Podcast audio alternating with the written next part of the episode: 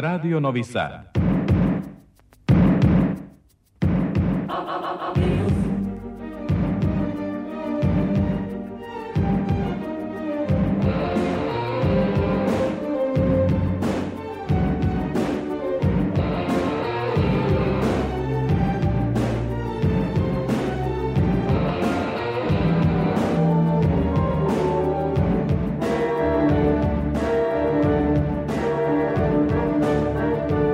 Spektar.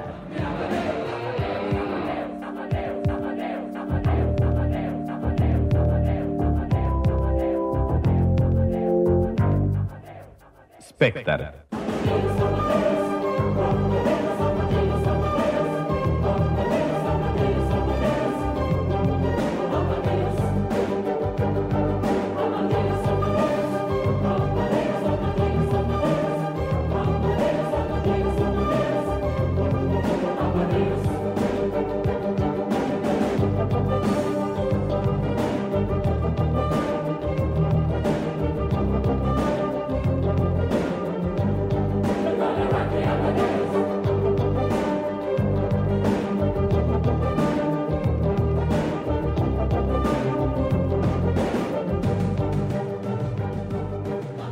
Poštovani slušaoci, dobroveče i dobrodošli u Spektar. Tačno je 22 časa i 11 minuta.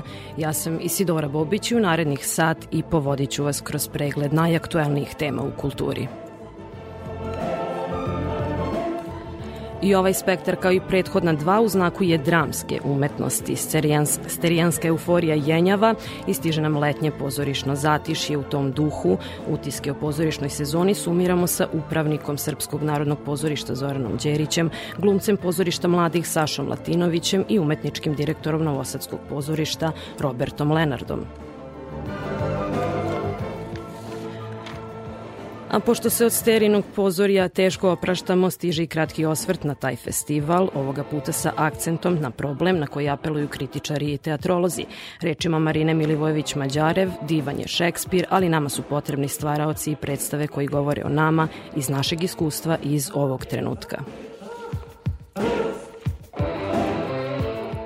Nudimo i priču o još jednom svestranom pozorišnom umetniku. U Beogradu otvorena izložba skica i scenografija povodom pola veka rada akademika Miodraga Tabačkog.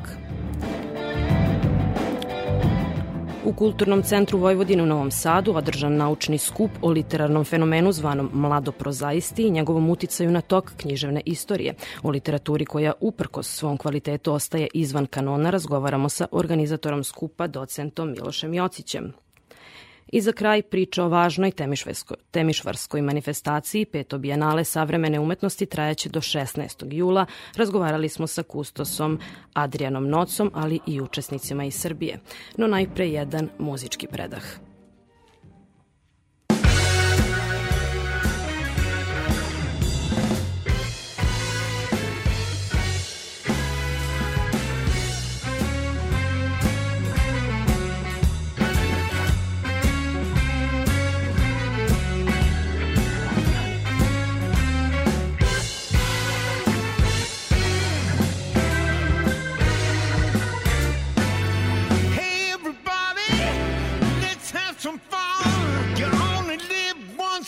When you did, you're done. Let the good time roll.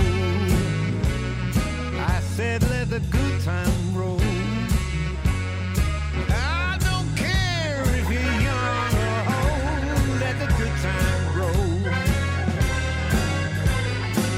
Yeah, don't sit there mumbling, talking trash. If you want to have a ball, get out and spend some cash and let talking about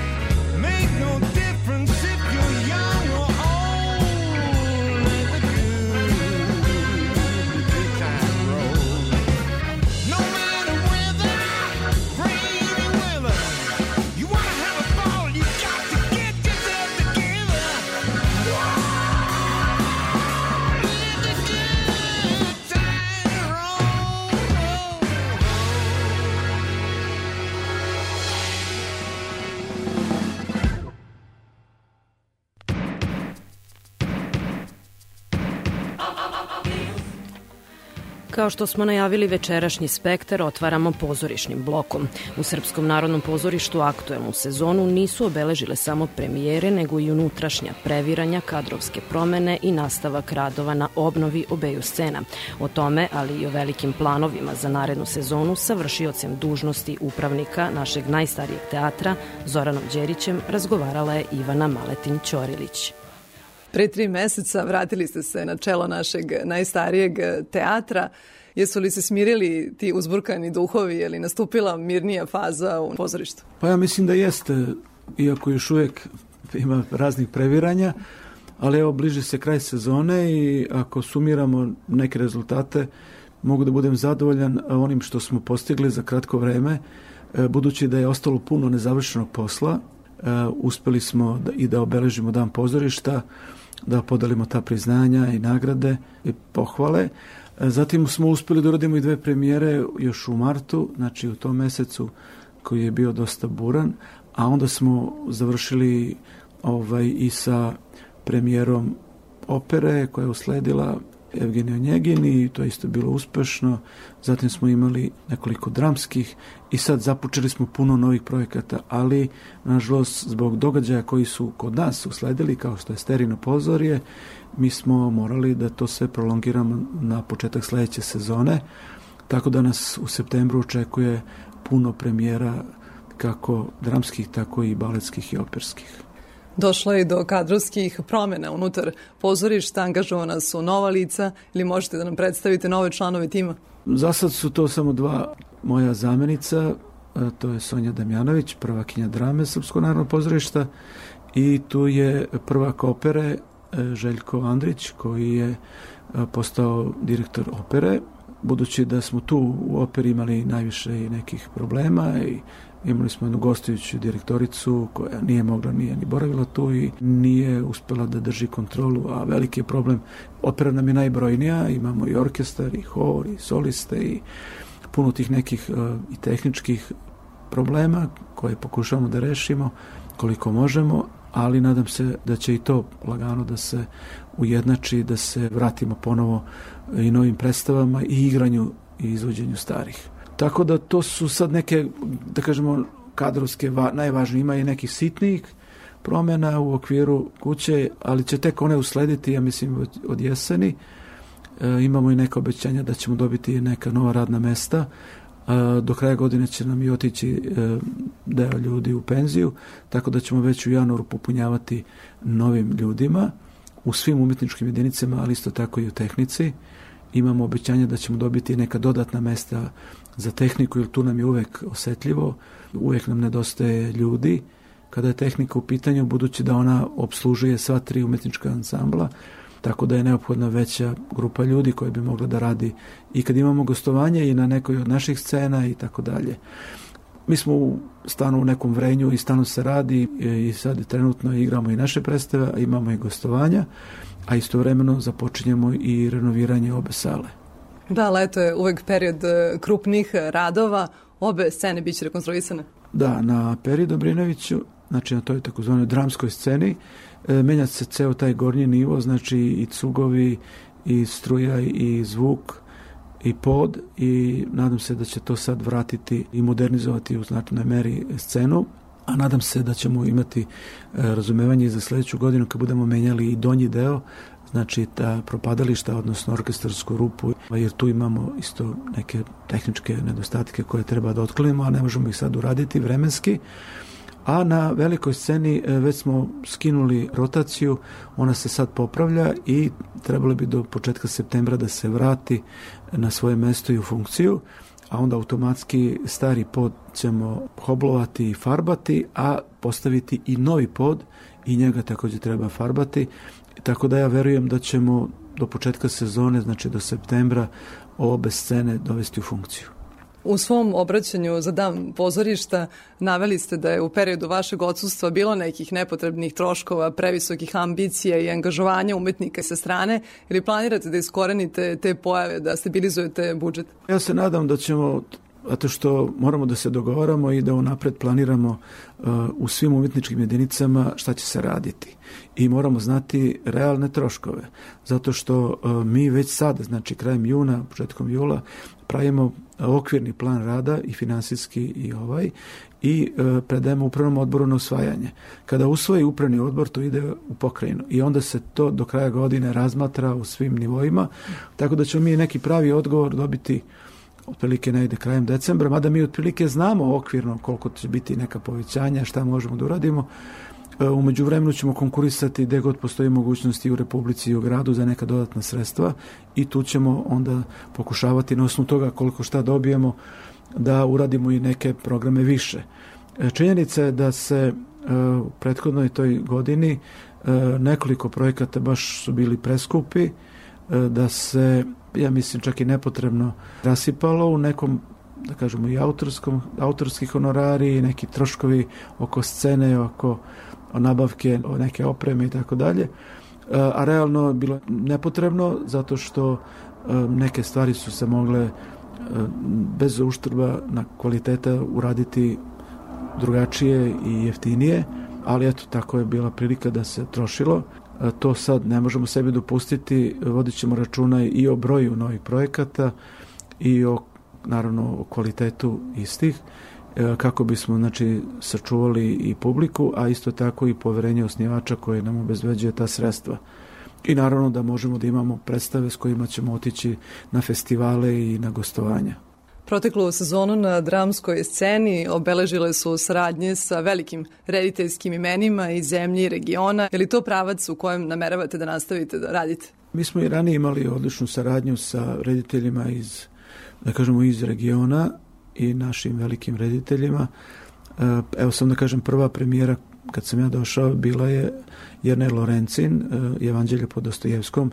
Lorencin je jedan zaista od najznačajnijih autora, reditelja koji radi ne samo u Sloveniji, nego uopšte i u regionu. Mi smo se dve godine dogovarali za taj projekat, dok smo uspeli da nađe odgovarajuće termine za nas i taj projekat je uspešno realizovan u martu mesecu i sa tim projektom već idemo na neke festivale pre svega idemo u Tivat, a očekujem da ćemo ići na neke druge i na gostovanja i festivale, samo još je rano o tome govoriti. E, zatim e, Projkovski, s kojim smo se takođe dogovarali nekoliko godina, još kad je radio u Novosavskom pozorištu Janu Karenjinu i još smo se viđali u Banjoj Luci, u Narodnom pozorištu je radio dva projekta, jedan od njih je bio i na Sterinom pozorju, to je e, bio Derviš i smrt, Meše Selimovića i znamo još njegove projekte od ranije, dolazio na Infant sa telom i tako dalje i zaista jedan reditelj koji je izuzetan e, i kreativan je, ali i isto tako i zahtevan pošto traži puno proba, veliki broj ljudi je uključen, kako glumaca, tako i nekih koji su, eto recimo sa manjim zadacima, ali su isto tako zaposleni kod nas ili imamo nešto malo i honoraraca ali isto tako orkestar e, koji će uživo izvoditi muziku e, i, i zatim scenografija će isto tako ambiciozna, kostimi i ja verujem da će to biti velika predstava. On radi skupljače perja. Prvo smo dosta dugo čekali da dobijemo ova autorska prava od naslednika. Urađen je taj sinopsis, odnosno scenario po filmu i ovaj, napravljena podela i sad se to još dopunjava, radi se na tome i ta proba traju i trajeće boga mi do oktobra kad se planira premijera. Znači da ima jako mnogo ovaj, posla i verujem da će biti uspešan projekat. E, što se tiče drugih reditelja, mi smo se dogovarali i nešto smo pomerali, odlagali, upravo zbog tih okolnosti da smo e, započeli renoviranje e, scene, tako da smo neke projekte odložili za septembar sa Ivanom Cerovićem. To radimo jedan projekat koji bi trebao da bude u septembru, mislim tako negde oko 20. premjerno izveden. On je bio skoro doveden do finala, ali eto morali smo da odustanemo i očekujemo da će to biti početak sezone, ali isto tako e, započinje da radi i Kokan Mladenović, a isto tako je počeo da radi Igor Pavlović. E sad, oba projekta će biti izvedena najvjerojatnije u oktobru, možda čak i u novembru ako se ne završi scenografija, tako da to su zaista neki ambiciozni projekti, ali imamo i neke druge koje smo dogovorili koji bi trebali da se realizuju do kraja godine.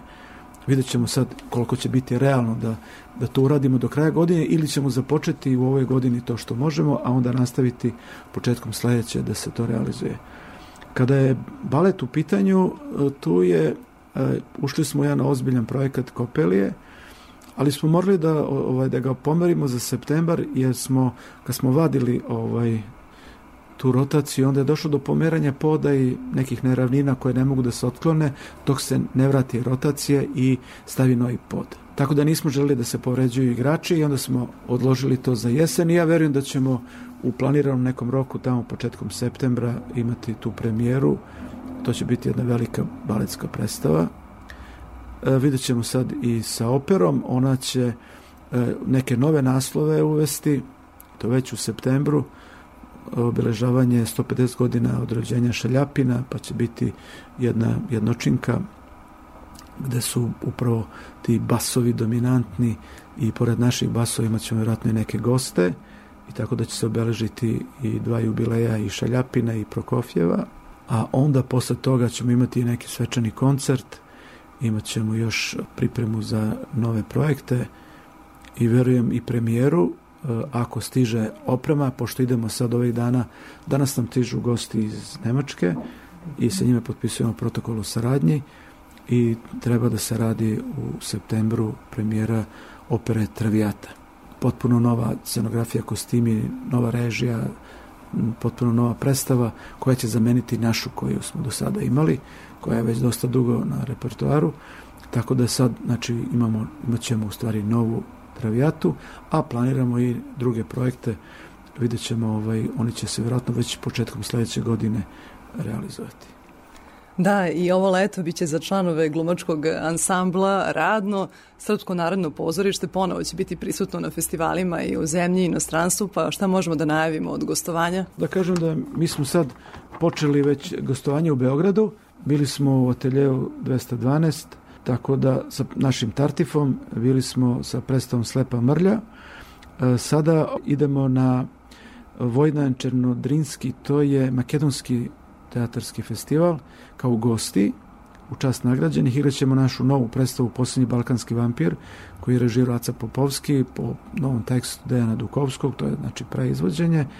Sa tom predstavom ćemo ići u Slovensko dramsko pozorište 20. juna, 23. juna idemo na Šekspir festival u Bitolj sa predstavom Magbet koju je režirao Nikita Milivojević, a posle toga imamo čitavu, da kažemo, turneju u Beogradskom dramskom pozorištu sa četiri predstave, to je u okviru one manifestacije Naši dani, e, koja se radi već evo, dve, tri godine. Oni su bili kod nas e, pre početka sterijnog, E, mi sad idemo tamo sa predstavom Zdravo živote na Drini Ćuprija, Duh koji hoda i Nebeski odred. To je u junu, a već u julu nastavljamo naše, da kažemo, crnogorske turneje. Radimo novu predstavu sa Kulturnim centrom iz Tivta. Premijera će biti početkom avgusta, a u avgustu ćemo igrati koprodukciju našu sa Budva grad teatrom, to su Krvave svadbe i ja verujem da će tu još biti i u avgustu idemo i na jedan festival u Šid gde ćemo igrati Nušićevu autobiografiju.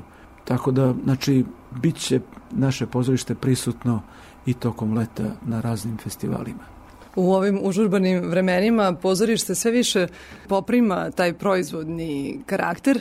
E, je li teško pomiriti zahteve za negovanjem klasičnog repertoara i praćenjem savremenog teatra? Mi pokušavamo da naš repertoar bude e, pre svega baziran na dobrim tekstovima i odličnim rediteljima.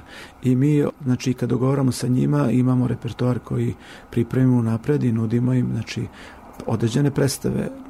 90% e, repertoara je baziran na domaćem autoru, bilo da je klasika ili savremeni pisci, i naravno svetska klasika, tako da smo eto uspeli ove godine da radimo e, čak dve predstave, jednu sam i zaboravio, dve predstave smo radili po ruskim autorima, imali smo prvo premijeru, to je bila ženitba Gogoljeva zajedno sa pozorištem mladih, ali zbog e, okolnosti koje su usledile ta predstava nije odigrana kod nas premjerno, ali će biti, zato što su došli dani žalosti i onda sterino i tako. Premijera je bila u pozorištu mladih i tamo je igrana uspešno nekoliko meseci.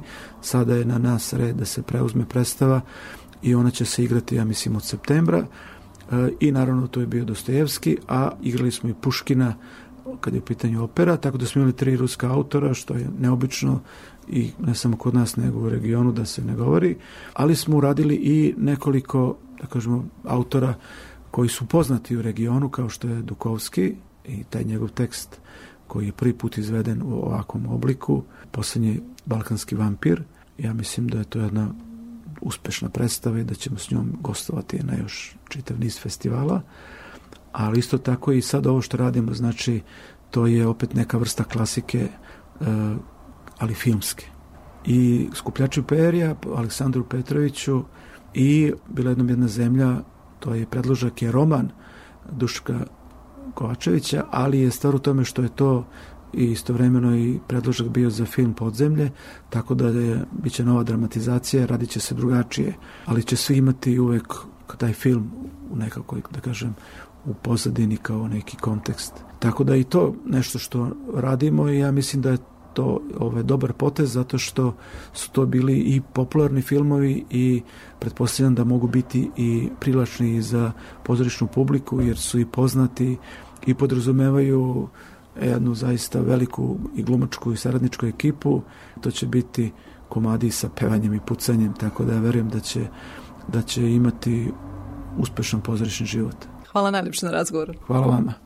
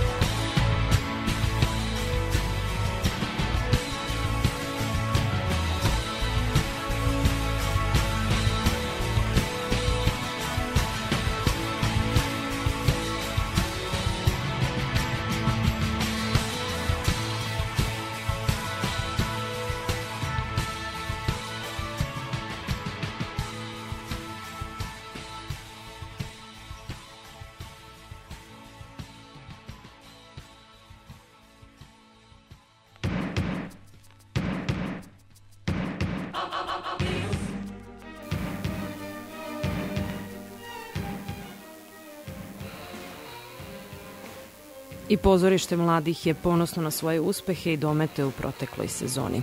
Tim povodom moj sagovornik bio je Saša Latinović, profesor scenskog govora i lutkarstva i glumac tog pozorišta.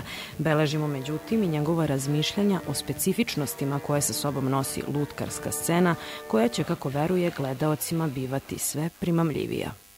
Za početak da čujemo koliko je bila zahtevna pozorišna sezona ova za glumca koji igra na svim trima scenama pozorišta mladih. Bila je izazovna i zanimljiva, naročito posle one godine korone kada smo jako malo izlazili pred publiku. E, ove godine je publika predstave pozorišta mladih, što kod nas kod kuće, što na gostovanjima, imala priliku da vidi 135 puta na sceni za decu i 77 izvođenja dramskih predstava za odrasle. Naše predstave je u ovoj sezoni videlo oko 66.000 što dece, što njihovih roditelja, baka, deka i odraslih. Pet premijera u toku ove sezone, to je bio Sled koji je bio koprodukcija sa Evropskom predstavnicom kulture, Cat Claw koji je takođe bilo delimično njihov projekat, Krznena Venera na našoj maloj sceni, Revizor na velikoj sceni i to je koprodukcija sa Srpskim narodnim pozorištem. Čuvena istorijska saradnja. Tako je, da. Tako da se igra i ovde kod nas i na, na sceni ovaj, Srpskog narodnog pozorišta i poslednja naša premijera Koralina, ludskarska predstava za nešto stariju decu. To smo imali premijeru na početku našeg festivala Novosadske pozorišne igre. Novosadske pozorišne igre se po drugi put dešavaju u Novom Sadu. Svetski festival koji je ove godine okupio 12 predstava iz 10 različitih zemalja. Imali smo goste iz Nemačke, iz Izraela, iz Hrvatske, Bosne, Crne Gore, Makedonije. Kako izgleda imati angažman na svim scenama? Pretpostavljam da svaki taj poziv specifične zahteve stavlja pred, pred glumca, pogotovo lutkarsko pozorište. Kakve sve veštine treba da savlada glumac da bi učestvovao u, u, u lutkarskom pozorištu. Dramska scena uključuje kompletno dakle, glumčevo telo i traži od glumca da njegova telesnost u stvari bude nosilac scenskog lika. E, kod lutke je glumčevo telo u stvari prepreka ili višak na sceni i ako bi moglo da se ne vidi, i recimo to bi bilo najzanimljivije, ali je nemoguće. Glumčevo telo je, jel da, prisutno, ali je nevažno. Postoje različiti tipovi lutki, oni zahtevaju različite scenografije, negde se glumac zapravo i ne vidi, ako je štapna lutka iza paravana, pa i fizički ne možete da ga vidite, ali takvih predstava sve manje i manje. Da, da, da. I u celom svetu.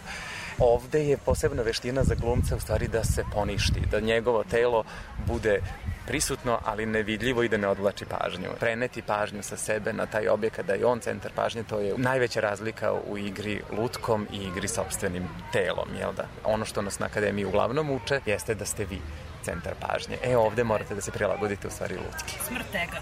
da, recimo, to je jedna stvar, a druga stvar je u predstavama za decu, dakle, vaš govorni aparat je jako važan. Jako je važna plastičnost govornog aparata, da možete da uradite najneverovatnije glasovne i zvučne promene svojim glasom. Dakle, ne govorite svojim glasom, nego govorite glasom nekog izmišljenog lika. Ako je taj lik od tetrapaka, zamislite kako govori tetrapak recimo, ili, ili ofinger, ili šta god već drugo bilo, lampa, jel? i patuljak isto, kako bi govorio patuljak. I tako da to od glumca traži glasovno jako lepo i veliko prilagođavanje i naravno razvija jako maštu, u suštini sve ono što ne može da se odigra svojim telom, trebalo bi da odigra lutka, jel? Treba ona može. Da. Pretpostavljam da je poseban izazov usaglašenost glumaca koji su poništili svoje tela na sceni. Da, da, jeste, jeste. To se vežba i glumačke veštine koje se stiču radom i vežbom. Da, koordinacija vam je jako važna, da vi upravljate jednom lutkom jednom rukom, drugom rukom, drugom rukom, pripremate nogom ili već ne znam kojim delom tela sledeće ono što treba da se, da se pojavi na sceni. Jedna akrobacija, jedan cirkuski događaj. Pretpostavljam zahteva mnogo preciznosti. Apsolutno da. Dramsku predstavu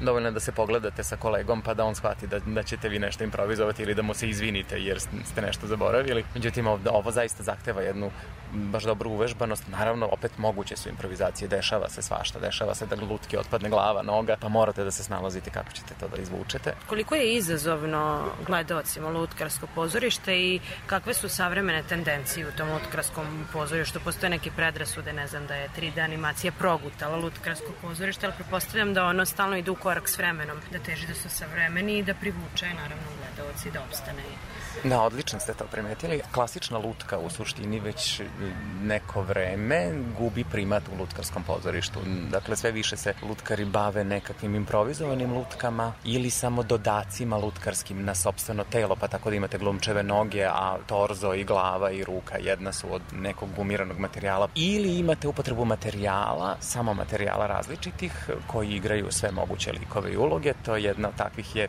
predstava Metamorfoze, koja je moj doktorski umetnički projekat u pozorištu mladih. Od kanapa je napravljena cela predstava. Imate objekt teatar, dakle ono je, to je naj, najviše u trendu u svetu sada, a to je da od svakodnevnih predmeta i objekata i svakodnevne ovaj, upotrebe se prave likovi i onda imate taj jedan metaforični pogled na svet, jel da nas dvoje pričamo ovako, a naše šoljice kafe u stvari od kafe komuniciraju između sebe šta mi u stvari mislimo, a ili kako one doživljavaju svet u odnosu na nas. Premijera Bogojavljanske noći trebalo bi da otvori Šekspir festival. Da, da, da, mi smo već negde na pola, ako ne i malo dalje. Ivan Vanja Alač režira mog prvog Šekspira, to tako se zove projekat Moj prvi Šekspir. U tom projektu učestvuje nas trojica glumaca iz pozorišta mladih i ostalo su naše mlade kolege koje još uvek ili nisu zaposlene nigde, a tek su završile akademiju. Upravo idem sa te probe, 29. bi trebalo u Čorstanovcima jel, da bude premijera na Šekspir festu. E, imamo ono što je jako zanimljivo za, za, za decu i za mlade jesu naši dramski studiji u kojima takođe naše dve koleginice, Neda Danilović i Slavica Vučetić,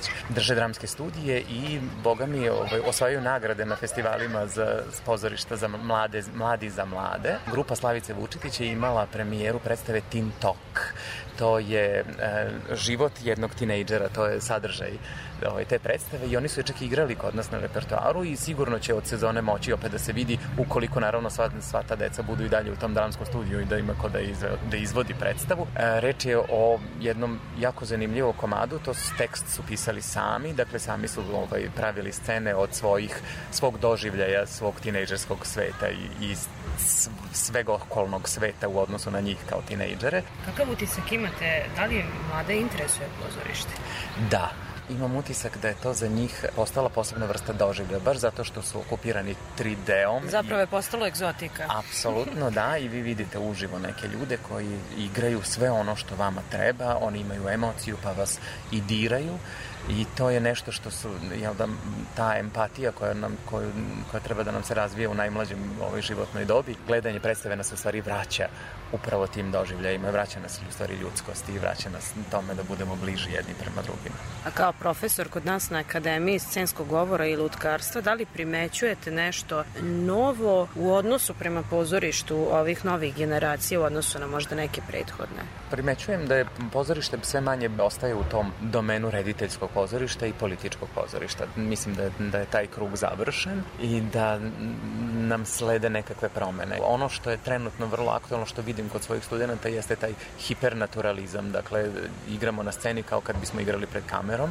Naravno, scena zavisi od toga kakva je, kakva je zvučnost i koliko je velika i sve tako redom. Zahteva neke druge scenske veštine, a ne samo jel, taj nekak hipernaturalistički izraz. Ono gde ja lično vidim budućnost pozorišta jeste u stvari u kombinaciji dramske i lutkarske igre.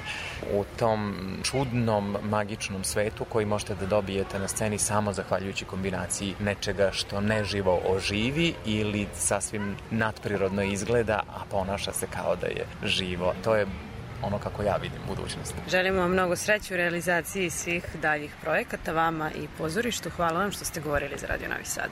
Hvala vama i dobrodošli u pozorište mladih. If your heart could talk, I wonder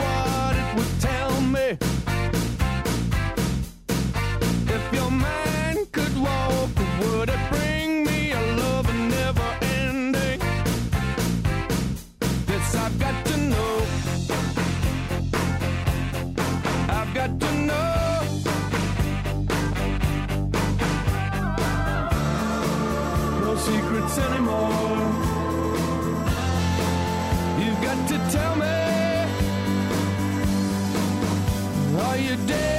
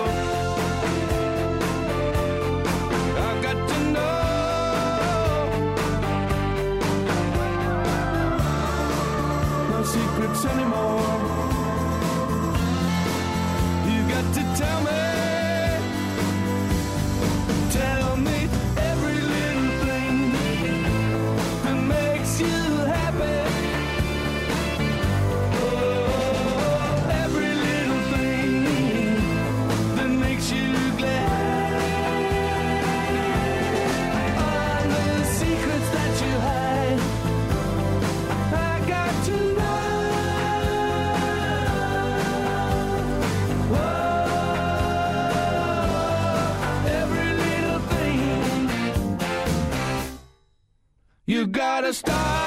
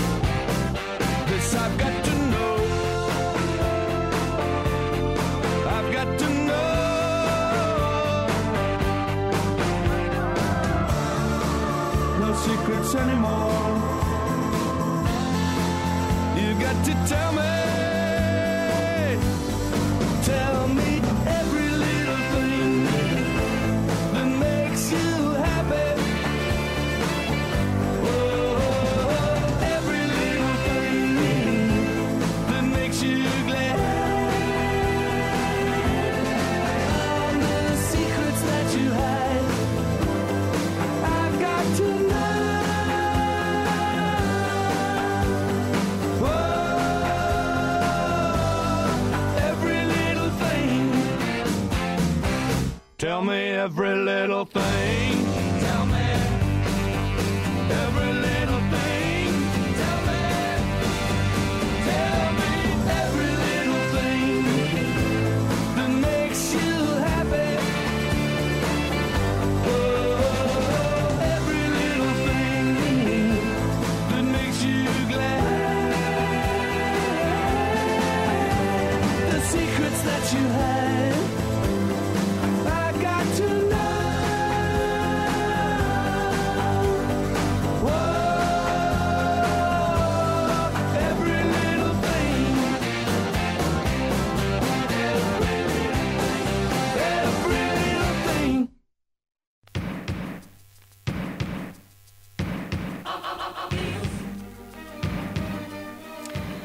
Prelazimo na scenu Novosadskog pozorišta na kojoj još uvek traju probe za predstavu Kapetan Nemo po romanu Žila Verna 20.000 milja ispod mora. Premijera stiže u septembru, a o tome kako je u Novosadskom pozorištu protekla sezona i gde će gostovati predstave za vreme leta, saznajemo od umetničkog direktora Roberta Lenarda sa kojim je razgovarala Ana Čupić. Jun je mesec kada svako pozorište, bar onaj scenski deo, ide na neki letnji san do septembra. Pa hajde malo da sumiramo utiske šta se to ove sezone desilo u Novosadskom pozorištu. Prvo moram da, da kažem da obično je tako, ali u ovom slučaju nije. Zato što glumci i dalje rade do početka jula u ovom pozorištu ove godine. Završavaju predstavu Kapetan Nemo po romanu Žila Verna 20.000 milja ispod mora. To je jedan porodični musical koji će pravi život započeti tek u septembru, ali e, rad na toj predstavi će se završiti sad u julu. Oni već rade pa dobrih mesec dana, možda i više. I eto, radit će i dalje posle završetka sezone. Znači da, na izgled idemo odmah na odmor, ali još ne. I za vas je jedna uspešna sezona, tri premijere i ova četvrta koju ste sada uh, pomenuli. Pa ako baš analiziram, uspešna sezona vuče svoje tragove iz prošle sezone. Čak ako govorimo o uspesima, ne znam, sad mislim na festivale, na gostovanja, na gledanost, na, na sve to, to je još uvek Ana Karenjina koja je pravljena 19. godine, to je Richard III, koji je sad, koji je izašao prošlog aprila, ali, ali eto, te silne nagrade i ovaj hype oko predstave, to se zapravo desilo u ovoj sezoni koja se završava sada.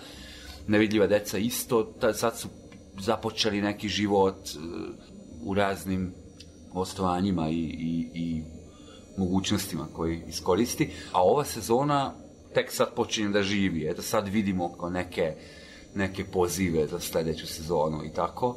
Pa da, e, u- uvijek kažem da ova sezona mora da se posmatra na dva različita načina ili nivoa. Pre svega, naravno, tu su predstave koji su jedan najvidljiviji deo ovog instituta. Tu su bile musical Benjovski, još negde u oktobru, onda Antigona od Romana Nikolića u februaru mesecu, putujući pozorište Šopalović, ko- kojim, kojim sme predstavom zapravo juče i zatvorili sezonu, to je režija Tar, e, Margareta Taboroš i, i eto, to, to, to su naše predstave u vidljivom delu sezone i da, zaista, kao što sam rekao, eto, radimo još na jednoj predstavi koja će izaći na neki način u julu, ali zapravo život će započeti u, u septembru. Leto je vreme godišnjih odmora svih ove godine ne i Novosadskog pozorišta, a gde će to naši sugrađani moći da gledaju o, Novosadsko pozorište ovog leta? Neko otputuju na Ohrid. E, da, po planovima imamo e, Anu Karenjinu u Ohridu i Bitolju u Macedoniji. I za sad su to letnji planovi, naravno uvek e, idemo na, na, na festival mađarskih teatra u Mađarskoj u Kišvardi, to je svake godine tako maltene, bile godine kad nismo išli, ali uglavnom nas selektuju, tamo ide Richard III, to je sever Mađarske na granici sa Ukrajinom.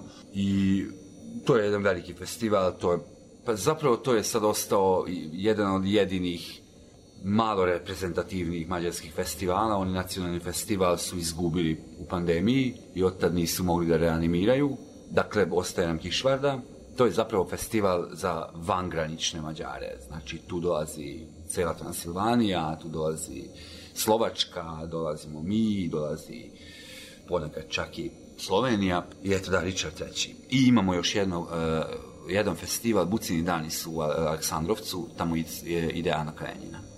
Stojite sada već, e, ste jako blizu zapravo, na samom pragu te jubilarne sezone, tog velikog rođendana Novosadsko pozorišta, sle, sledeće sezone zapravo puni pola veka.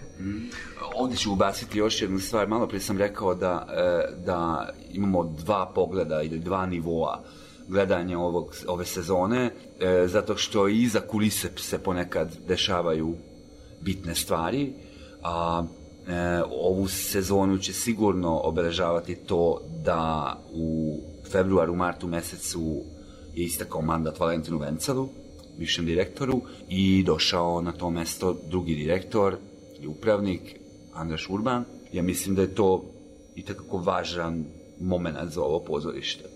To kažem, ko gledamo predstave, ali se i dešavaju neke stvari koje će imati uticaj na budućnost. I mislim da je to bitno napomenuti. E, da, i upravo dolazi u tom trenutku kada se završava 49. sezona Novosadskog pozorišta i da, zaista neverovatno. Ja sam bio ovde kad smo slavili 40. To je godina kad sam počeo ovde da radim i sad malo, malo je neverovatno da, da se ovo dešava. Da, pola veka. Pola veka pozorišta. Trudit ćemo se da to proslavimo na pravi način. Da, me- mi, mi željno iščekujemo tu novu sezonu i celu rođendansku zapravo sezonu, kako ste već više puta i e, napomenuli našim e, slušalcima. Da, pa, mislim, mi uvek slavimo rođendan, ne znam još kako će to da izgleda, to je u januaru. Znači, zato 50. sezona počinje u septembru mesecu, ali e, 50. eto, 50. ta godišnjica je zapravo 27. januara. Dakle, preklizni na s- sledeću godinu, to iz prostog razloga. Novosadsko pozorište jeste osnivan 73. godine, znači akt pravni da je ovo osnivano je iz 73. ali prva premijera je bila 27. januara i tada slavimo rođendan. Znači, jeste rođendanska sezona, ali kao rođendan tradicionalno slavimo u januaru. Vidimo se u toku leta na raznim scenama drugih gradova i država i e, vidimo se ponovo u septembru, a i u januaru na rođendanu Aj prvo septembar, znači izlazi... Da krenemo od... Izlazi e, premijer, ne, u se- u septembru izlazi na ona premijera Kapetana Nema, zaista željno isčekujemo to, godinama nismo imali takav projekat. Znači nekako, iz, nekako se sastavilo tako da smo, po- pogotovo posle pandemije, nekako smo se bavili nekim teškim temama na težak način. Zato formulišem tako zato što i Kapetan Nemo se bavi teškim temama. I da Kapetan Nemo je uopšte nije naivna jedna priča, nego nego priča o čoveku kome je toliko bio dosta od čovečanstva i od ratova i od svega živog da je se odrekao imena i otišao ispod mora. Mislim, nije to, to tako baš zabavna priča, ali trudimo se da napravimo e, porodičnu zabavu od toga, sa puno muzike, sa odličnom koreografijom u režiju Puškaša Zoltana, ja mislim da će to biti jako lepo otvaranje sezone. Hvala najlepše što ste govorili za Radio Novi Sad. Hey!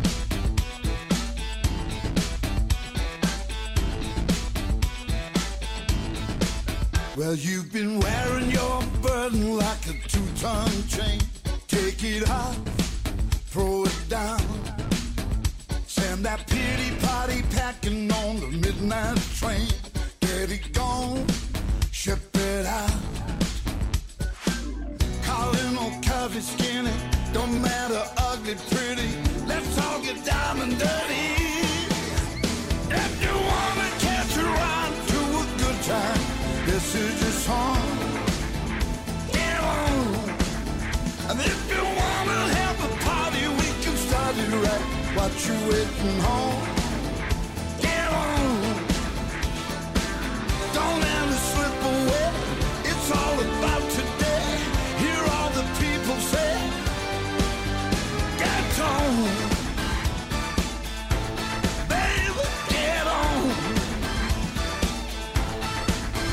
got that boom boom bumping like a downtown quake. Wake it up, shake it down. We got the girls all jumping, got the dudes on the make. Feel the love moving round. The party's getting hotter. Break out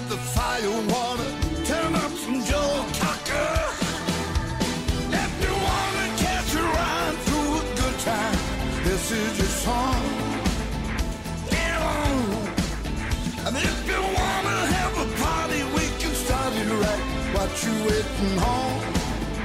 Get on, don't let me slip away.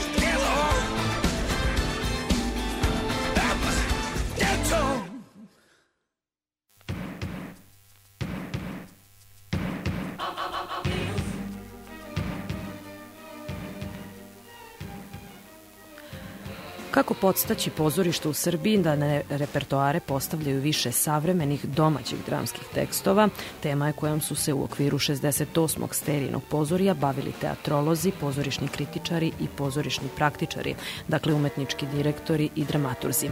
Pobeda teksta i predstave uspavanka za Aleksiju Rajčić, Đorđa Kosića u produkciji Narodnog pozorišta u Beogradu jedan je od mogućih modela pot podsticaja. Pojedinosti beleži naša Tatjana Novčić-Matijević. Nema krize domaćeg dramskog teksta, ali ima velikih teškoća u njihovoj inscenaciji i postavljanju na repertoar. Kritičarka i teatrološkinja Marina Milivojević-Mađarev je precizna. Pozorište ne može da stoji na Šekspiru. Divan je Šekspir, ali nama je potrebno da mi imamo naša autora koji će praviti pozorišne predstave koje su neposredno iznikle iz našeg iskustva, iz našeg saznanja i koje održavaju naš ovaj trenutak. I detektuje tri pitanja. Tretman praizvedbi dela savremenih srpskih dramskih pisaca u kontekstu tekućeg pozorišnog repertoara. Čemu se naši pisci mogu nadati i šta od njih očekuju pozorište? To je veliko pitanje. Drugo pitanje je vezano za promenu uloge dramaturga. Naime, već više od decenije uočeno je da dramaturzi proširuju svoje polje delovanja i da sve češće oni postaju neko ko zajedno sa rediteljima i glumcima stvaraju tekst predstave tokom rada na predstavi. I to je vrlo zanimljiva situacija koja se ponavlja već jedno, više od jedno 10-15 godina, 10-15 godina kontinuirano, mi imamo neke vrlo značajne predstave koje su nastale na taj način. Znači, drugo pitanje je pozicija dramaturga u pozorištu. I treće, veoma važno pitanje, kako mogu sterilno pozorije i druženje da doprinesu nezi podršci domaće dramskog stvaralaštva, da li treba pokrenuti neke projekte, podržavati postojeće konkurse ili stvoriti inicijativu za novu. Konkurs Sterinog pozorja za savremeni dramski tekst otvorio je prostor mnogim neafirmisanim autorima. Podrška pozorja i u produkciji predstava sada je već kontinuirana, kaže direktor Miroslav Miki Radonjić. Ja sam 2006. godine došao na ideju da bismo zaštitili izvorni princip sterinog pozorja da ustanovimo taj konkurs za savremeni domaći dramski tekst kako bi sačuvali tu, jeli, osnovnu misiju pozorja. Tad je u prvom žiriju je bio i Saša Milosavljević i tad smo mi razgovarali ideju tog konkursa. I već e, tad je ideja bila da pobednički tekstovi dožive i, i scensko izvođenje i da sterino pozorje po uslovima konkursa ima pravo na praizvedbu, dakle autorska prava se prebacuju automatski na sterino pozorje, a onda da pozorje nudi e, našim pozorištem, pozorišnom regionu taj tekst besplatno ga ustupa i ovaj obezbeđujemo još određena finansijska sredstva koja nisu velika, ali koja ipak pomažu da se taj tekst postavi na scenu. I eto, mi smo unazad 15-16 godina od, od kad postoji taj konkurs, uglavnom sve tekstove postavili na scenu, neke sa više uspeha, neke sa manje uspeha. Ideja je bila i da ti tekstovi dođu u naša manja pozorišta, jeli, da i tu malo neke stvari možda pomerimo, ali bilo je zaista i uspešnih tekstova koji su se pretvorili u zaista sjajne predstave koje su onda odnosile pobede na mnogobrojnim festivalima. Pa smo tako imali radničku hroniku Petra Mihajlovića u Narodnom pozorištu Republike Srpske u Banja Luci, koja je bila sjajna predstava. Pa smo imali u Ateljevu 212 Moja ti Olgi Dimitrijević, koja je takođe, takođe naša koprodukcija i pobednički tekst sa konkursa i na kraju ovaj tekst Đorđa koji evo možda negde sad zaokruži celu tu priču i mi nastavljamo i dalje. Upravo tekst Đorđa Kosića, uspavanka za Aleksiju Rajčić, kao i predstava Narodnog pozorišta u Beogradu, pobednici su pozorija. Umetnička direktorka drame Malina Udovički. Ja sam, čini mi se, dobila tekst od Tanje Šljivar, kao jer sam tražila da pravimo javno čitanje mladih, prosto bilo je nekoliko. I bilo je jako zanimljivo to javno čitanje, kome su prisutstvali mnogi reditelji i odmah se prijavljivali, odmah posle javnog čitanja, se prijavljivali da bi radili ako će se to raditi. Očito, naravno sve počinje od dobrog teksta. I očito je on nekako napravio odma. Drugo, svi su glumci koji su čitali bili oduševljeni tekstom. Bila je odlična glumačka ekipa naša. Javna čitanja i radionice, praktikovana češće ranije dok je bilo nešto više novca za pozorišta, rezultirala su boljom promocijom dramskog stvaralaštva i mogućom produkcijom predstava. Ta praksa sada je na nivou prijatnog incidenta. Mladi, nezavisni, čita i bez posla, dramaturg i pozorišni kritičar Borislav Matić subulimiše razgovor ocenom da je najslabija karika u pozorištu pozicija dramaturga. Da mi pričamo o stvari o ulozi dramaturga, ne dramskog pisca, da li nema dramskih tekstova ili, je, ili postoje neki drugi strukturni problemi. Čini mi se da, s obzirom da se mi sad fokusiramo na to kako funkcionišu pozorišta, da je pre pitanje da prosto ne postoje dramaturzi, ne postoje radna mesta, gde, gde će sad neko na tim radnim mestima imati vremena prosto da prolazi kroz nove dramske tekstove, da ih traži, da se, da i pozorište i rizikuju uh, sa postavkom tih dramskih tekstova, nego se nekako uvek ide na klasike, bez obzira da li su domaći ili strani, pre svega jer oni ne koštaju i nekako su uh, sigurna karta ali baš mi se to čini da zapravo fali ta, ta jedna ključna stavka u strukturi pozorišta, to je dramaturg, koji bi zapravo mogao da radi na, na odabiru novih dramskih tekstova i postavci, a ne da fale sami dramski tekstovi. Bojan Jovanović, umetnički direktor pozorišta Bora Stanković u Vranju, kaže da organizatori tamošnjeg festivala Borini dani imaju ideju da u tri godine od konkursa za tekst dođu i do producirane predstave, za šta je takođe neophodan novac. Ideja, predloga, pa makar oni bili i suprotstavljeni, o podsticaju domaćeg dramskog stvaralaštva i njegovog postavljanja na scene naših pozorišta iz umetničko-teatrološkog dela javnosti ne nedostaje. Još i da resorne državne institucije podrže onaj stav Marine Milivojević-Mađarev sa početka. Divan je Šekspir, ali nama su potrebni stvaraoci i predstave koje govore o nama iz našeg iskustva i iz ovog trenutka.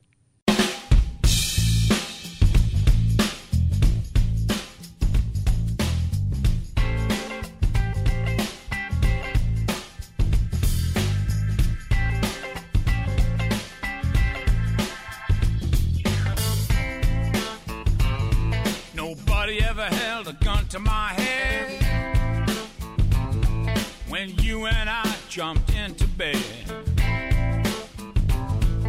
I was not forced to kneel and pray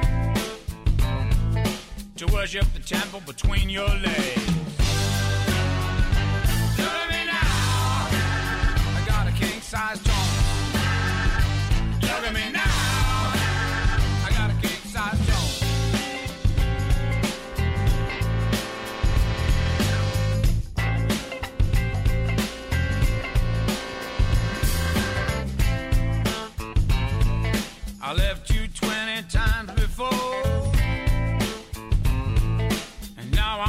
scratching at your door. Look what you done, don't you realize?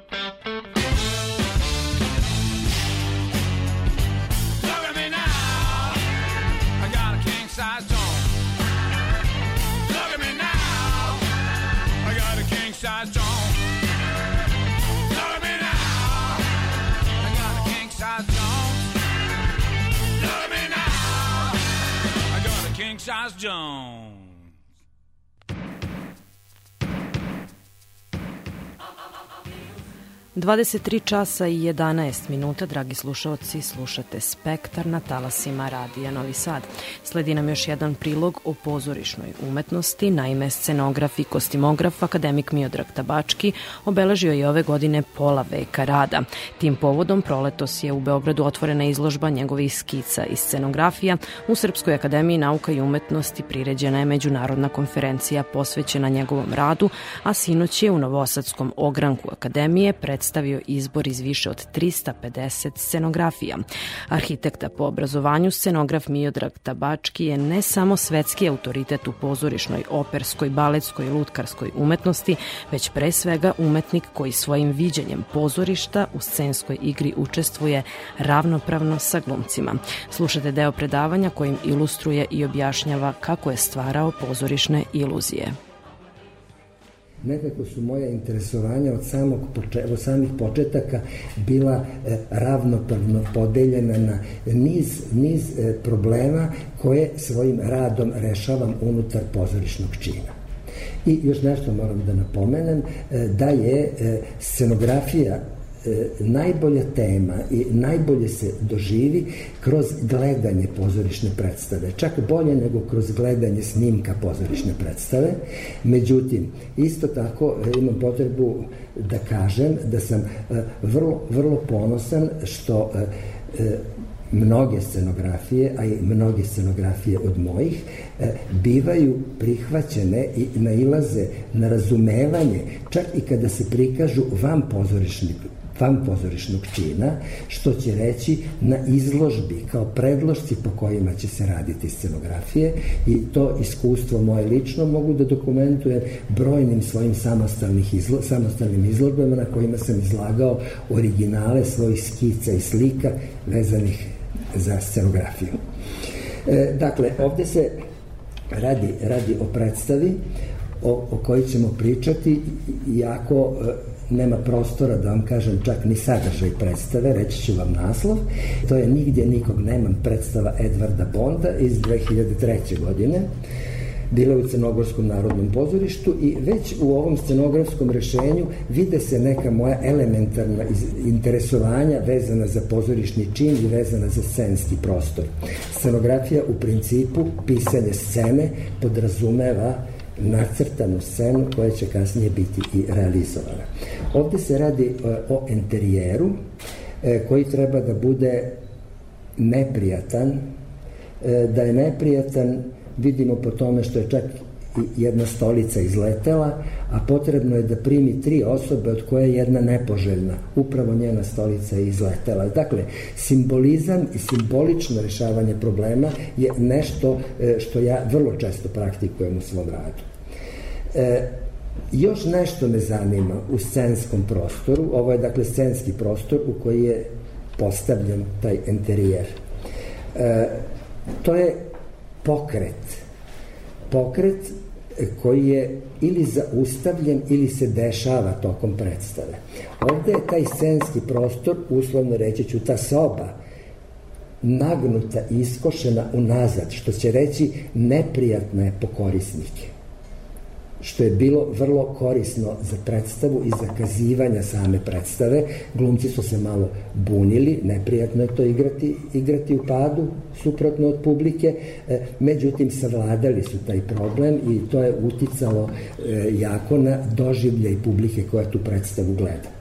Dakle, e, to je pokret koji je zaustavljen. Kasnije ćemo viđati e, neka moja rešenja gde se pokret dešava kontinuirano tokom igranja predstave. E, drugo što bi u slučaju ove, ovog scenografskog rešenja e, hteo da podelim s vama, to je činjenica da se desio i pokret sa samim elementima dekora. Dakle, scenografijom se obično smatraju četiri zida pozornice, jedan zadnji i dva bočna i četvrti koji je sklonjen i on je u stvari pozorišna zavesa. E sad, da bih podcrtao klaustrofobičnost tog prostora, ja sam, dakle, pozorišne zavese nemamo u ovoj predstavi, ja sam taj četvrti zid koji bi inače bio sklonjen svakako, ja sam njega napravio i spustio sam ga ispred publike sa mogućnošću eventualno da se on uvek vrati nazad i zatvori taj interijer i zatvori korisnike tog prostora i na određen način ih time optereti. To moje rešenje sa tim četvrtim zidom koji sam ja ipak pokazao publici je nešto što me e, tera da kažem da kao scenograf imam iskustvo da naglasim, to sam osjetio na svojoj koži, vrlo bitnu stvar. U stvari mi kažemo četiri zida. Nisu četiri, nego su šest. I vrlo je bitan peti zid koji je pod i šesti zid koji je plafon. E, pod pritom i kvalitet poda i šta je pod je nešto što je vrlo vezano za glumce na kojima je uvek koncentracija. Znači, idealno mesto da nešto kroz taj pod kažemo. Ili plafon koji može da bude ugodan ako je visok, a može da bude neprijatan ukoliko je nizak. Dakle, mi imamo šest zidova na pozornici po meni i ja se bavim sa svih šest.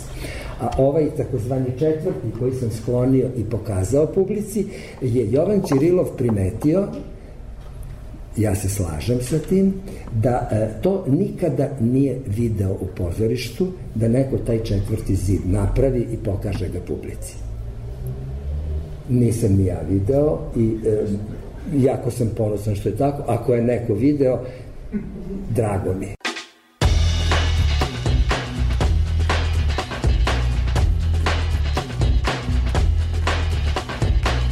Don't pocket by the suicide. Hot dog, my razor broke, water dripping up the spout, but I don't care. Let it all hang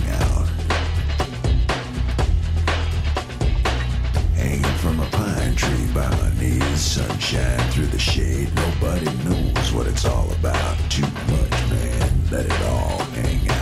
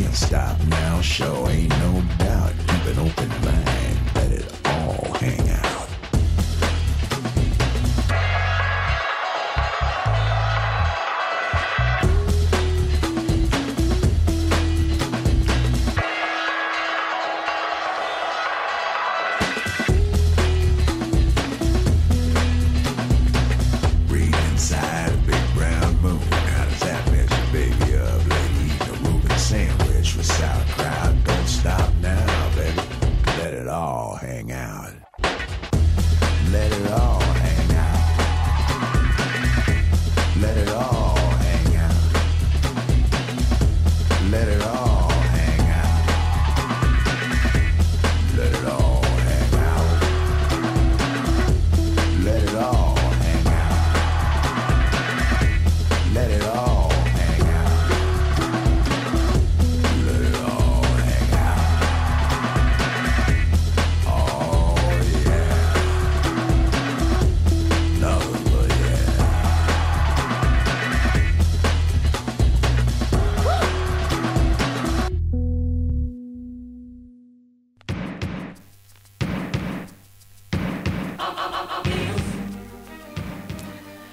Dragi slušalci, bližimo se kraju dana, a i emisije Spektar. Prelazimo sa pozorišne na književnu scenu.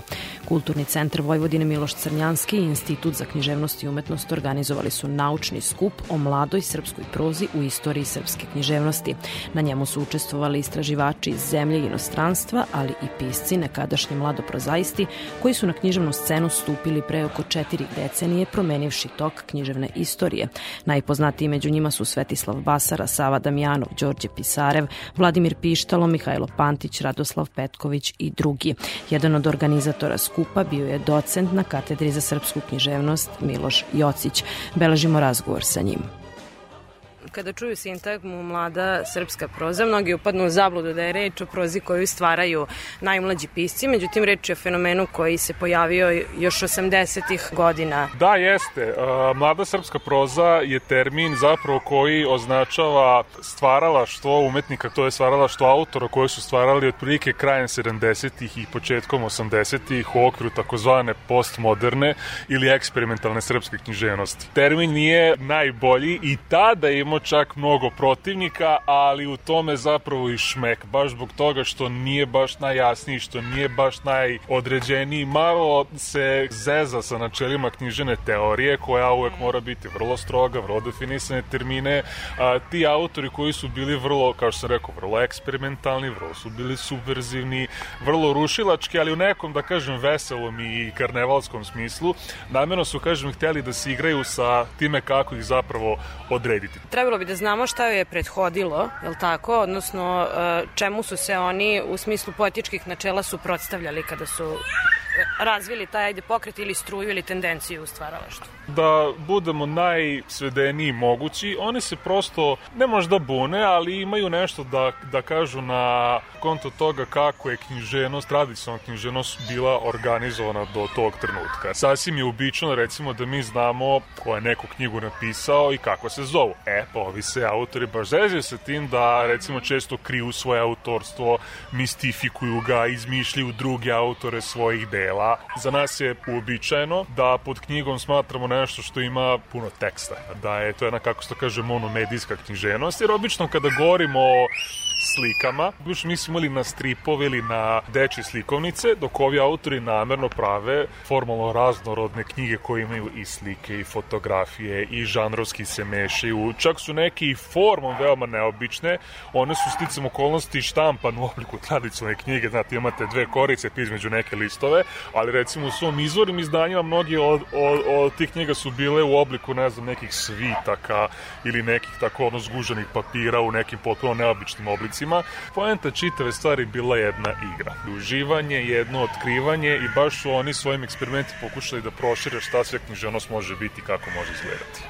U istoriji književnosti se stalno smenjuju te tendencije da bude realistična i kao stvarnosna i da naprotiv bude subverzivna i eksperimentalna. Pa da li možemo da kažemo da ako su se oni, na primer, oslonili na avangardu s početka 20. veka, da sada mladi mogu da se oslone na njih, ali ovi zaista mladi po godinama, mladi, ovi najmlađi koji sada stvaraju. Tako je, zaista tako funkcioniše ta smena epoha u umetnosti. Ako imate jednu epohu, znajte da će za 10-15 godina nastupiti nešto potpuno kontra od toga, a ona će to trajati nekih 10, 15, 20 ili 30 godina, pa će sledeće biti opet potpuno suprotnost od toga. A, međutim, danas, mislim, živimo, sve izvinite na, na, na ovom dosađivanju književnoj teoriji, ali, Ne, ne, to nam je tema. ali mislim da danas živimo u jednom a, dobu koje prvi put u istoriji nije baš toliko strogo sa praćenjem tih nekih, da kažem, stilskih poetskih načela. Danas je, ja mislim, najlepše vreme da se bude pisac, jer nemate pravila, nemate ograničenja, nemate neku dominantnu formaciju ili epohu ili stil ili normu koju morate pratiti, možete da radite apsolutno šta hoćete. I mislim da je, da je to zapravo budućnost, ta takozvana neka modularna poetika, da mi sami biramo šta nam se sviđa, evo recimo poput autora koje su stvarali u ovo vreme, recimo David Al-Bahari, naš veliki pisac, jedan od naših najvećih živih pisaca i najvećih 20-vekovnih pisaca, on je recimo stvarao u ovo vreme, nije bio deo ove grupacije, ali on je bio s jedne strane vrlo eksperimentalan pisac takođe, vrlo isto postmodern, a sa druge strane on se bavio skoro isključivo intimnim, životnim, osjećajnim pričama, tako da on recimo spojio ta dva ekstrema, neko da kažem formalno eksperimentisanje i zaista jedne duboke lične priče. Isto tako mnogi od autora o kojima ćemo danas pričati poput Save Damjanova, Đorđa Pisareva, Franje Petrinovića, Milenka Pajić i tako dalje. Kada vidite njihove knjige zaista vidite da je to nešto jako hermetično, možda čak i jako naporno sumorno, jako onako neshvatljivo, jer je i poenta takve književnosti upravo bila da nas malo šokira, da nas malo žacne, da mi sami razmislimo Da istražimo. Upravo to, ali kad vidite ti umetnici, ti pisci, dakle ti eksperimentalni, avangardni, postmoderni pisci, kad dođete do suštine i oni se bave istim stvarima koji su se bavili pisci još od starih bardova ili sumerskih ovih pevača koji su pisali Gilgameša, šta znači biti čovek, šta znači onako biti empatičan, uživati u životu, biti dobar prema bližnjima, biti posvećen plemenitim stvarima, toleranciji. Tako da se književnost zapravo ne menja toliko, menjaju se neke, ovako kažem, spoljne stvari. To je razlog zašto mi i dan danas možemo da, da, da čitamo i Šekspira, i Crnjanskog, i ne znam, Domentijanovo žiti i tako dalje. Jeste to opisano u velikim istorijskim razmacima, a to je sve knjiga, to su sve ljudi. Zašto je značajan ovaj skup i na koji način on prilazi temi mlade srpske proze? Skup je značan zato što istorija srpske književnosti, nažalost, nije naročito blagonaklona prema tim graničnim pojavama. Mi, naravno, imamo velike pise. Iva Andrića, imamo Miloša Crnjanskog, Milorada Pavića, to su majestrano veliki pisi. Ali imamo toliko sjajnih i autora i autorki koji nisu možda lako shvatljivi, možda nisu univerzalnog ukusa i dojma, ali koji su fantastični. Naša srpska tradicija eksperimentalne, avangardne, neavangardne književnosti je u rangu najkvalitetnijih evropskih ili svetskih pisaca. To sam htjela da vas pitam, na koji način se ispoljava ta nepravda, na koji način se marginalizuju ta dela, da li tako što eto nisu u čitankama ili o, o kakvoj vrsti nepravde govorimo? Mislim da u pitanju nije, nije nikakva sistemska nepravda, u smislu da sada postoji zavera protiv takih autora, nego jednostavno mi smo, nažalost, ipak mala kultura, kvantitetom, a ne kvalitetom. Normalno je da najveću pažnju zavrede, kažem, autori koji imaju zaista mnogo univerzalniji dojam, poput pomenutih Selimovića ili Andrića ili Crnjanskog, a i s druge strane autori o kojima danas pričamo zaista, kako kaže, nisu za, za, za svakog, ali to je lepa strana književnosti. Često se govori o tome kako je lepota umetnosti u tome što je univerzalna i kako svi mogu da je pristupe. I jeste, ali posebna lepota književnosti je što postoji i umetnosti uopšte, postoje knjiga za svakoga. Kao profesor koji radi na katedri za srpsku književnost na Filozofskom fakultetu u Novom Sadu, da li imate utisak da se naši mladi studenti, da su se povinovali tom opštem ukusu ili dolaze sa raznoraznim idejama i, i, i prilaze i neko egzotičnijoj književnosti? U. Koliko ih teorija književnosti intrigira? U, apsu- a, teorija književnosti ih ni, e, ne, Ne ne, intrigira. ne intrigira nimalo što je potpuno normalno. Ja iskreno nisam čuo za studenta koji na osnovnim studijama voli teoriju književnosti, što je potpuno normalno, nisam je ni ja voleo, kasnije sam zavoleo, ali ponosim se našim programom, jer se zaista trudimo da po pitanju upravo predstavljanja srpske književnosti bramo, budemo vrlo širokogrudi i progresivni, tako da imamo nekoliko kursa koji se bave tom vrstom avangardne, neavangardne, postmoderne srpske književnosti. I imamo u svakoj generaciji zaista ogroman broj studenta koji odlepe kad ide takve stvari, koji ceo život posle toga vole da čitaju avangardne pise. Mi radimo šta je do nas i našim e, kurikulumom i konferencijama poput ove, to mi radimo svakog dana. Hvala vam na tome i hvala vam što ste govorili za Radio Novi Sad. Hvala vama.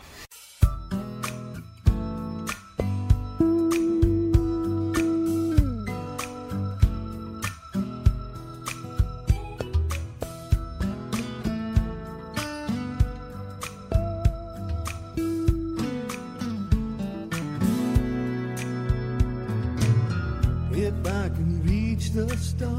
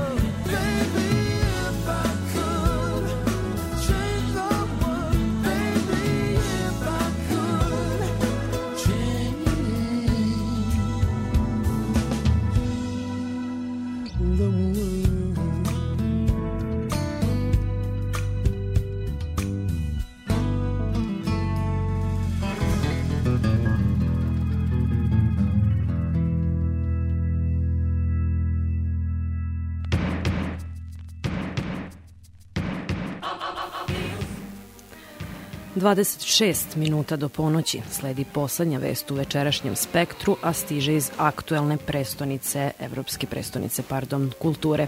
Naime, u Temišvaru se održava peto bijenale savremene umetnosti koje će trajati do 16. jula na 23 lokacije u gradu, od muzeja i galerija do obnovljenih industrijskih i vojnih objekata. Slogan manifestacije koja je bila jedan od glavnih programskih aduta najvećeg grada Banata prilikom kandidature za laskavu titulu nosi snažnu poruku Moj nosorog nije mit. O njegovoj simbolici i tematskom fokusu bijenala sa kustosom Adrianom Nocom razgovarala je Ivana Maletin Ćorilić. Moto ovogodišnjeg bijenala je Moj nosorog nije mit, pa kako smo ga ponovo oživeli? Koristili smo nosoroga kao metaforu za umetnost, nauku i fikciju zbog Albrehta Direra, ali je žena Ioneska i njegovog dela Nosorog, koje govori o nosorozima koji se pojavljuju u malom gradu gde vlada fašistički režim. Svako ko postane konformista pretvara se u nosoroga. Dakle, naš slogan Moj nosorog nije mit je neka vrsta odgovora, otpora konformizmu. U tom smislu, ono što mi ovde pokušavamo da uradimo jeste da pružimo različite perspektive ili da postanemo nosorozi, da pratimo put nosoroga na način koji nije hronološki. Možemo preskakati određene vremenske periode i posmatrati različite krajeve planete. Zapravo, u Temišvaru postoji nekoliko skulptura nosoroga. Rumunska umetnica Kristina Duca stvorila je nosoroga. Time smo napravili neku vrstu reinkarnacije originalnog nosoroga. Njegovo ime je bilo Ganda. Došao je iz Goje u Evropu, u Lisabon i imamo jednog umetnika iz Goje, Najka, koji je suizvođač sa Kočabom i koji je zapravo doveo nosoroga iz Indije. Ali treba da znate da nosorog koji je došao 1515. godine u Lisabon stigao je živ, a zatim je trebalo da ide u Rim, u Vatikan, ali je onda brod potonuo u Oluji na Mediteranu. Oni su ponovo otkrili nosoroga, preparirali ga i poslali zombija nosoroga u Vatikan. Dakle, da, ponovo oživljavamo mrtvog nosoroga.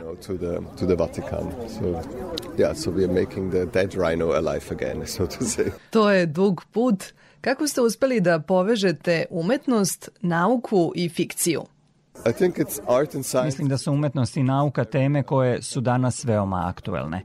To je povezano sa tehnološkim razvojem, posebno sa razvojem veštačke inteligencije. Moj primaran posao je u Centru za veštačku inteligenciju u Cirihu, pri Federalnom institutu za tehnologiju. Dakle, Bienale je u skladu sa mojim radom. Ono što možete primetiti kod umetnika i naučnika jeste da ih u velikoj meri pokreće njihova radoznalost. Moglo bi se za njih reći da su štreberi u svojim oblastima istraživanja i da postavljaju mnogo pitanja. Smatram da je to dobra kombinacija jer idu na mesta, da citiram, zvezdane staze, jer imamo naučnu fikciju gde niko nije bio pre njih. To go where no one has gone be- before. Na ovogodišnjem bijenalu učestvuju umetnici iz 21 zemlje. Koji su bili vaši glavni kriterijumi prilikom selekcije? Proces selekcije bio je kolektivan proces. Imamo odbor za kuriranje i zajedno sa njim smo pregledali radove različitih umetnika. Jedan od glavnih kriterijuma bio je da polovina umetnika bude iz regiona. Zato imamo učesnike iz Rumunije, Mađarske, Srbije i Bugarske. Druga polovina odabrana je na osnovu velikih međunarodnih saradnji. Za nas je bilo važno da pratimo priču ili naraciju o nosorogu. Nije nam cilj samo da pronalazimo umetnike koji se bave naukom, jer to može postati prilično monotono. Ako pogledamo savremenu umetnost, možemo reći da postoje uglavnom tri oblasti u kojima umetnici koriste nauku. Kosmologija, vrsta biohakiranja i korišćenje tehnologija poput veštačke inteligencije. Dakle, pokušali smo da pristupimo temi ne samo na medijskom nivou, već i na nivou sadržaja i teme. I tako smo pregledali na stotine radova umetnika kako bismo došli do 61 rada koji imamo. 61 that we have. Za kraj, kako ste Bienale savremene umetnosti uklopili u program projekta Evropske prestonice kulture? Uh, Pa to je teško, zato što sam ja švajcarac, pa nisam u Evropskoj uniji, a niste, koliko znam, ni vi iz Srbije. Za nas je bilo pre svega važno da se podsjetimo evropskih ideala iz prošlosti, poput evropskog prosvetiteljstva, ideja demokratije, slobode i jednakosti.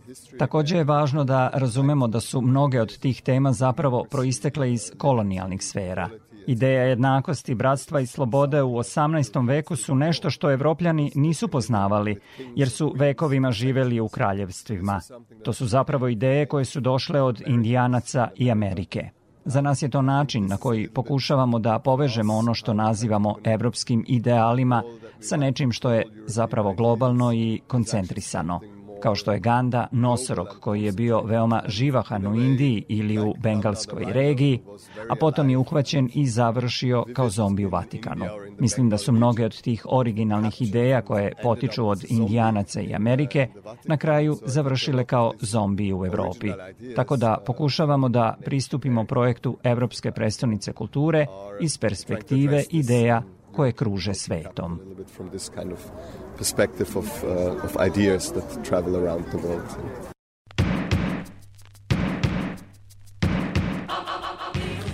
Kao što je koleginica pomenula, na tom petom bijenalu savremene umetnosti u Temišvaru učestvuju umetnici iz 21 zemlje, polovina njih iz našeg regiona, a Katarina Petrović, Goran Đorđević, Saša Tkačenko i Nataša Kokić poreklom su iz Srbije.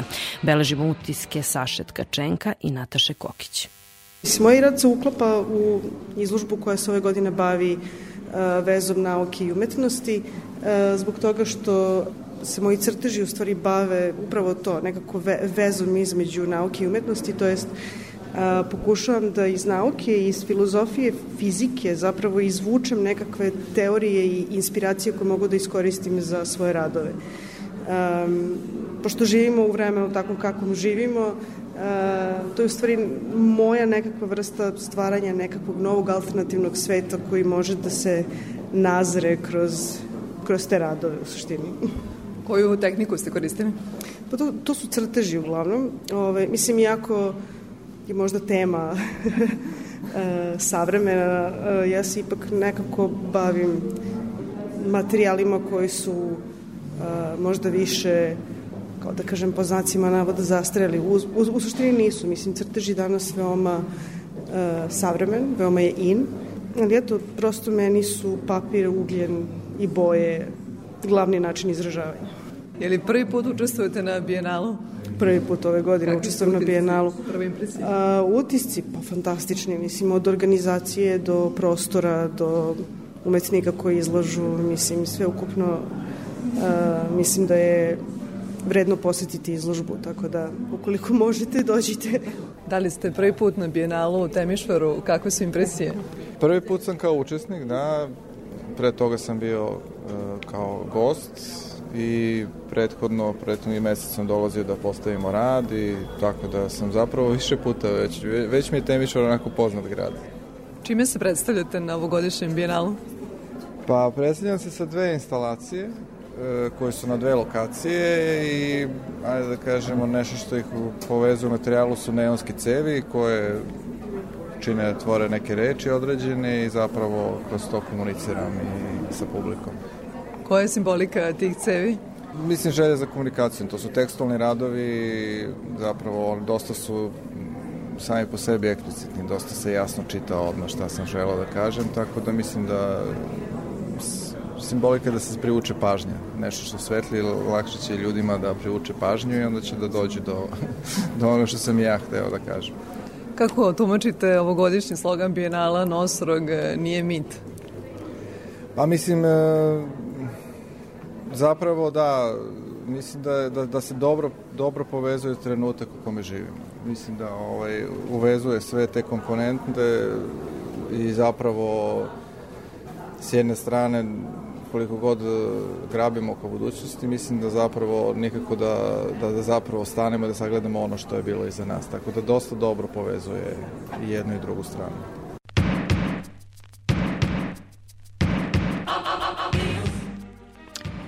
Poštovani slušalci, bilo je to sve u Spektru za večeras. Neke nove teme otvaramo idućeg petka u isto vreme na istoj frekvenciji. Ja sam Isidora Bobić, emisiju je tonski realizovao Božidar Nikolić. Želimo vam mirnu noć i ugodan vikend.